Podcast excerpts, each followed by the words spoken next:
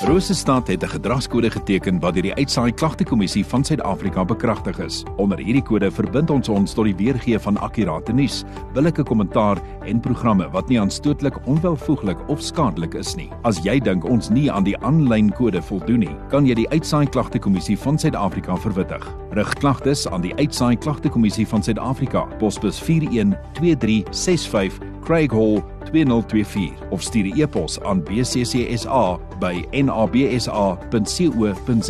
Vir verdere inligting, besoek www.bccsa.co.za.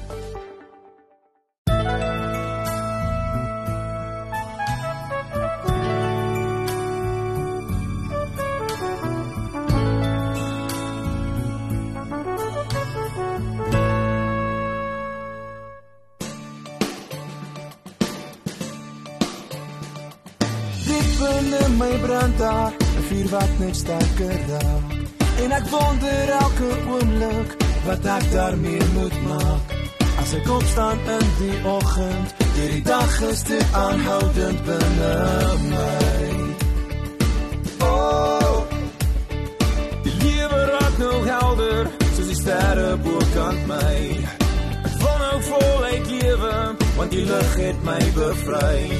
Aan die einde van die tunnel weet ek dat die wag net daar vir my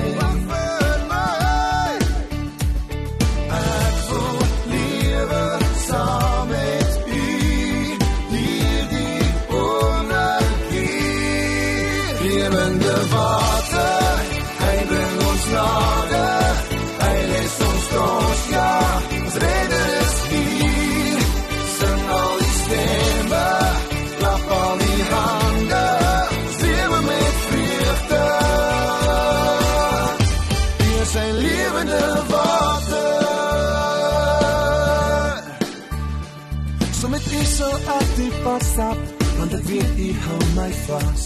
Ek hoef nooit weer bang te wees nie want u sal my oppas.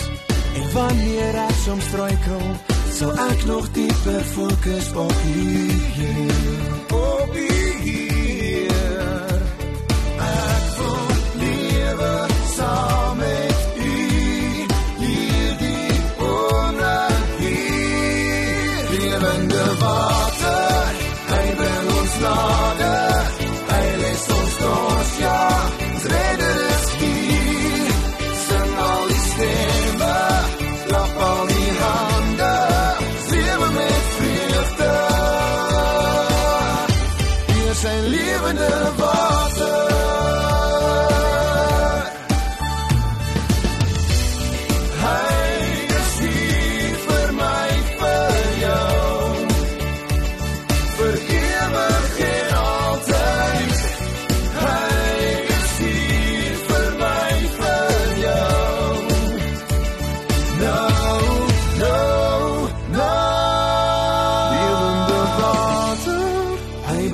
ons nader. Hy lees ons dors, ons redder is hier. Lewende water, hy bring ons nader. Hy lees ons dors, ja,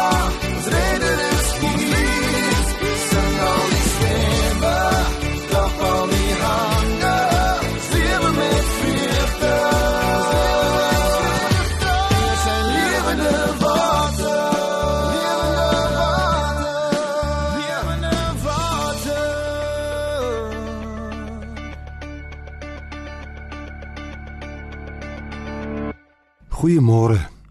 Kom ons lees vanmôre saam uit Romeine 8. Hy vanaf vers 26 tot en met vers 30. Die Gees staan ons ook in ons swakheid by. Ons weet nie wat en hoe ons behoort te bid nie. Maar die Gees self pleit vir ons met versigtings wat nie met woorde gesê word nie. En God wat die harte deurgrond, weet wat die bedoeling van die Gees is. Want hy pleit volgens die wil van God vir die gelowiges. Ons weet dat God alles ten goeie laat meewerk vir die wat hom liefhet, die wat volgens sy besluit geroep is. Die wat hy lank tevore verkies het, het hy ook bestem om gelykvormig te wees aan die beeld van sy seun, sodat sy seun baie broers kan hê van wie hy die eerste is. Die wat hy daartoe bestem het, het hy ook geroep. En die wat hy geroep het, het hy ook vrygespreek. En die wat hy vrygespreek het, het hy ook verheerlik. Nou ek wil stil staan by vers 28. Ons weet dat God alles ten goeie laat meewerk vir die wat hom liefhet, die wat volgens sy besluit geroep is. Liewe luisteraar, hierdie belofte van God aan sy kinders is so allesomvattend. Dit sê God is met ons besig. Alles is in die mag van die Here. Bewaring, beskerming, versorging, alles is hierby ingesluit. Maar natuurlik roep dit sekere vrae by ons op. Mense vra maar hoe kan dit waar wees in die lewe van 'n gelowige wat dalk worstel met depressie? Of hoe kan dit waar wees as my huwelik in 'n krisis verkeer?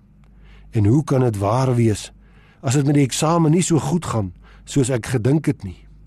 En hoe kan dit waar wees as 'n dokter vir my sê jammer hulle kan niks meer vir my doen nie?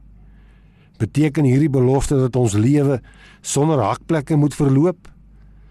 Paulus plaas hierdie stelling te midde van wat seker een van die hoogtepunte in sy geloofslewe moes gewees het.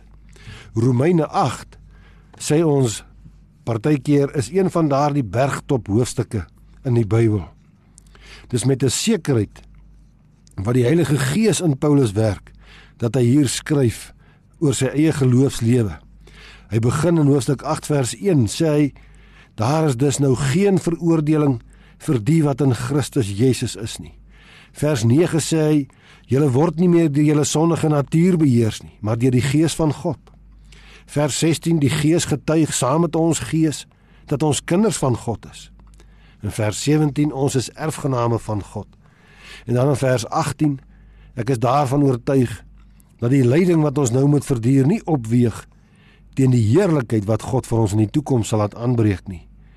En dan hierdie belofte ons weet dat God alles ten goeie laat meewerk. En dan kom nog as hy sê in vers 38 hiervan is ek oortuig dat niks ons van die liefde van God kan skei nie. Ek is absoluut oortuig, ek weet dit vas en seker, dit is so. Paulus weet dit, so staan dit in die teksvers. En die woord wat hy hier gebruik, druk nie ervaringskennis uit nie. Hy sê ek weet dit omdat dit eenvoudig so is. Dit is so want so het God hom aan my geopenbaar. Hierdie is ook nie 'n kennis wat groei nie. 'n Mens weet dit of jy weet dit nie. God laat alles ten goeie meewerk. Hieroor is nie debatte nodig nie. Hieroor kan nie geredeneer word nie. Ons moet dit eenvoudig net glo soos 'n kind. En soos die Here Jesus gesê het, wie die koninkryk van God nie soos 'n kindjie ontvang nie, sal daar nooit ingaan nie. En dit kan ons weet. God laat alles ten goeie meewerk. daarmee sê hy, hy is in beheer. Hier is nie sprake van toeval of noodlot nie. Dit is nie maar 'n sameloop van omstandighede nie. God regeer en onderhou alles asof met sy eie hand. Geen haar sal van ons kop val sonder die wil van ons hemelse Vader nie. En dit geld vir alles. Ons dink maar aan Josef. Van hom lees ons in in die boek Genesis. Sy broers het hom verkoop, maar God het alles ten goeie laat werk toe Josef uiteindelik onderkoning van Egipte geword het. Hy sê ook vir sy broers in Genesis 50: "Julle wou my kwaad aandoen, maar God wou daarmee goed doen. So is die Here ons God. Hy is by magte om alles wat gebeur te gebruik om sy doel te bereik. Elke ding werk mee en dra by. Dit skool en vorm en onderrig my. Alles wat in 'n mens se lewe gebeur, dra by tot jou vorming, tot die groei van jou geloof. Elke ding is deur God gebruik om my te bring waar ek vandag is. Al hierdie dinge werk mee vir my ten goeie. En nou is die vraag: wat is goed vir my? Goed in my oë en goed in iemand anders se oë is nie altyd dieselfde nie. Goed in die oë van 'n kind en goed in die oë van ouers is nie altyd dieselfde nie. Daarvan kan tieners so dikwels getuig. En net so is dit ook in ons verhouding met God. Ons kyk met ons beperkte insig na iets en dan dink ons dit is vir ons goed soos byvoorbeeld 'n oorlosie wat teen die muur hang. Ons sien net die buitekant van die oorlosie. Maar God kan alles sien. Hy weet wat gaan môre gebeur. Waarvan ek nie weet nie en hy beskik.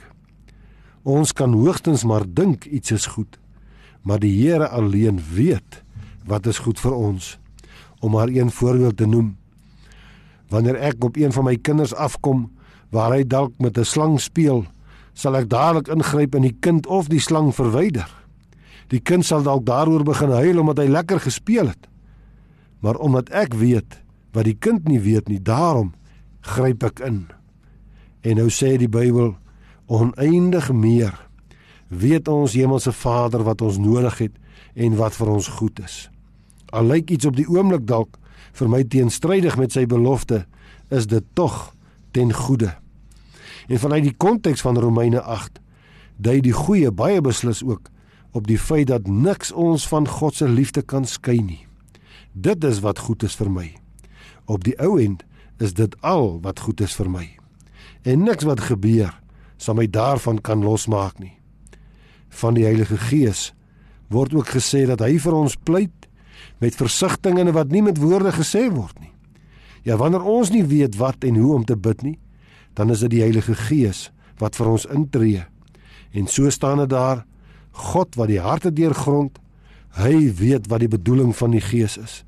En die Gees pleit volgens die wil van God vir ons. En hieruit kan ons aflei dat die Heilige Gees pleit om die goeie by die Vader.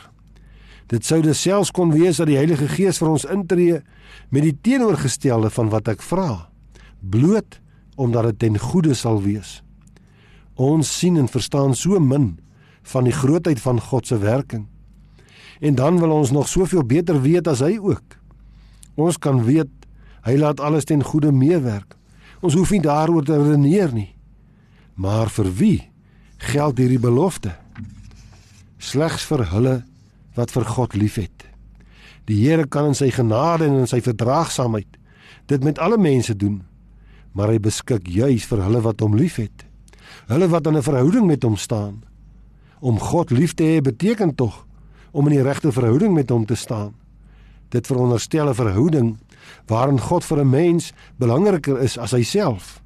En liefde vra opoffering. Dit vra dat ek sal neerbuig voor God en God se wil in my lewe sal erken.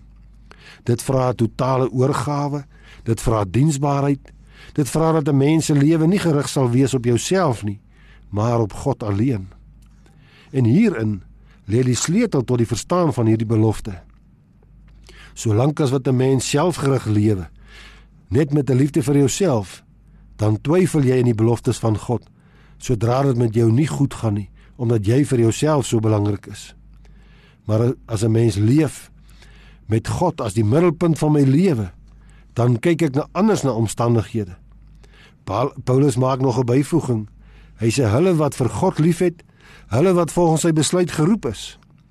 Daar is dus nog iets anders wat aan die belofte veronderstel word en dit is ons kan alleen lief hê omdat God ons uitget kies het en na hom toe geroep het. Dat ons deur sy vrye wil aan hom vasgeanker is. Wat 'n heerlike troos is dit nie. Die belofte hang nie in die eerste plek af van my liefde vir God nie, maar dit hang ten diepste af van die feit dat Jesus Christus vir my gesterf het. Nou het ons die dieptepunt van sekerheid bereik.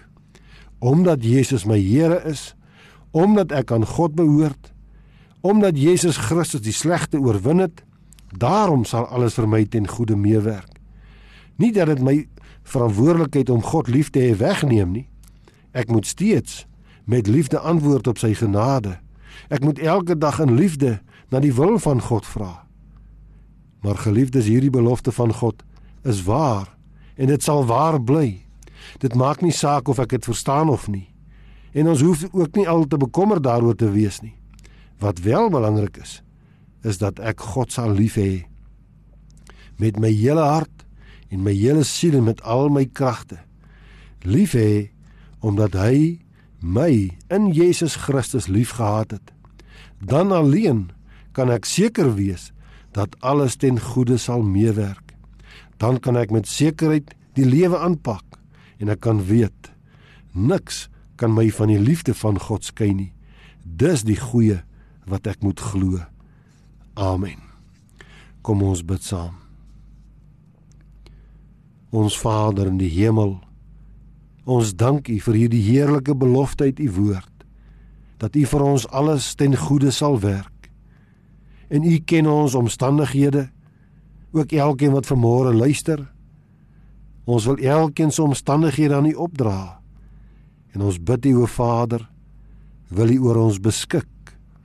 Dit wat ons nodig het, dit wat vir ons goed is en dit wat U weet die beste is. Leer ons om U lief te hê bo alles in die naam van ons Here Jesus Christus. Amen.